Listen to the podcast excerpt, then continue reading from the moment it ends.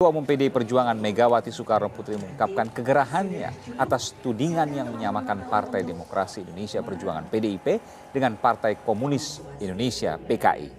Menurutnya, tudingan ini tidak berdasar dan muncul karena ketidaksukaan terhadap PDI Perjuangan yang memiliki elektabilitas paling tinggi pada pemilu lalu. Partai Komunis Indonesia. Pertanyaan saya, masih ada apa sudah dibubarkan? Nah, sudah dibubarkan kan? Lah iya, terus sopo sing bubarke? Hmm, yang bubarkan waktu zaman Pak Harto. Presiden Soeharto.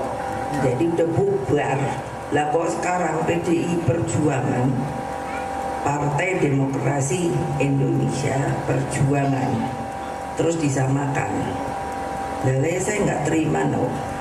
Jelas-jelas kita ini adalah partai yang sah, yang legal secara hukum, konstitusional secara konstitusi.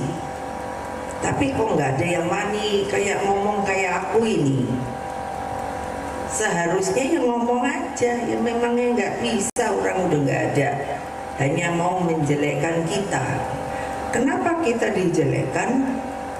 Karena sampai hari ini suara kita sebagai partai di Indonesia ini tertinggi terus.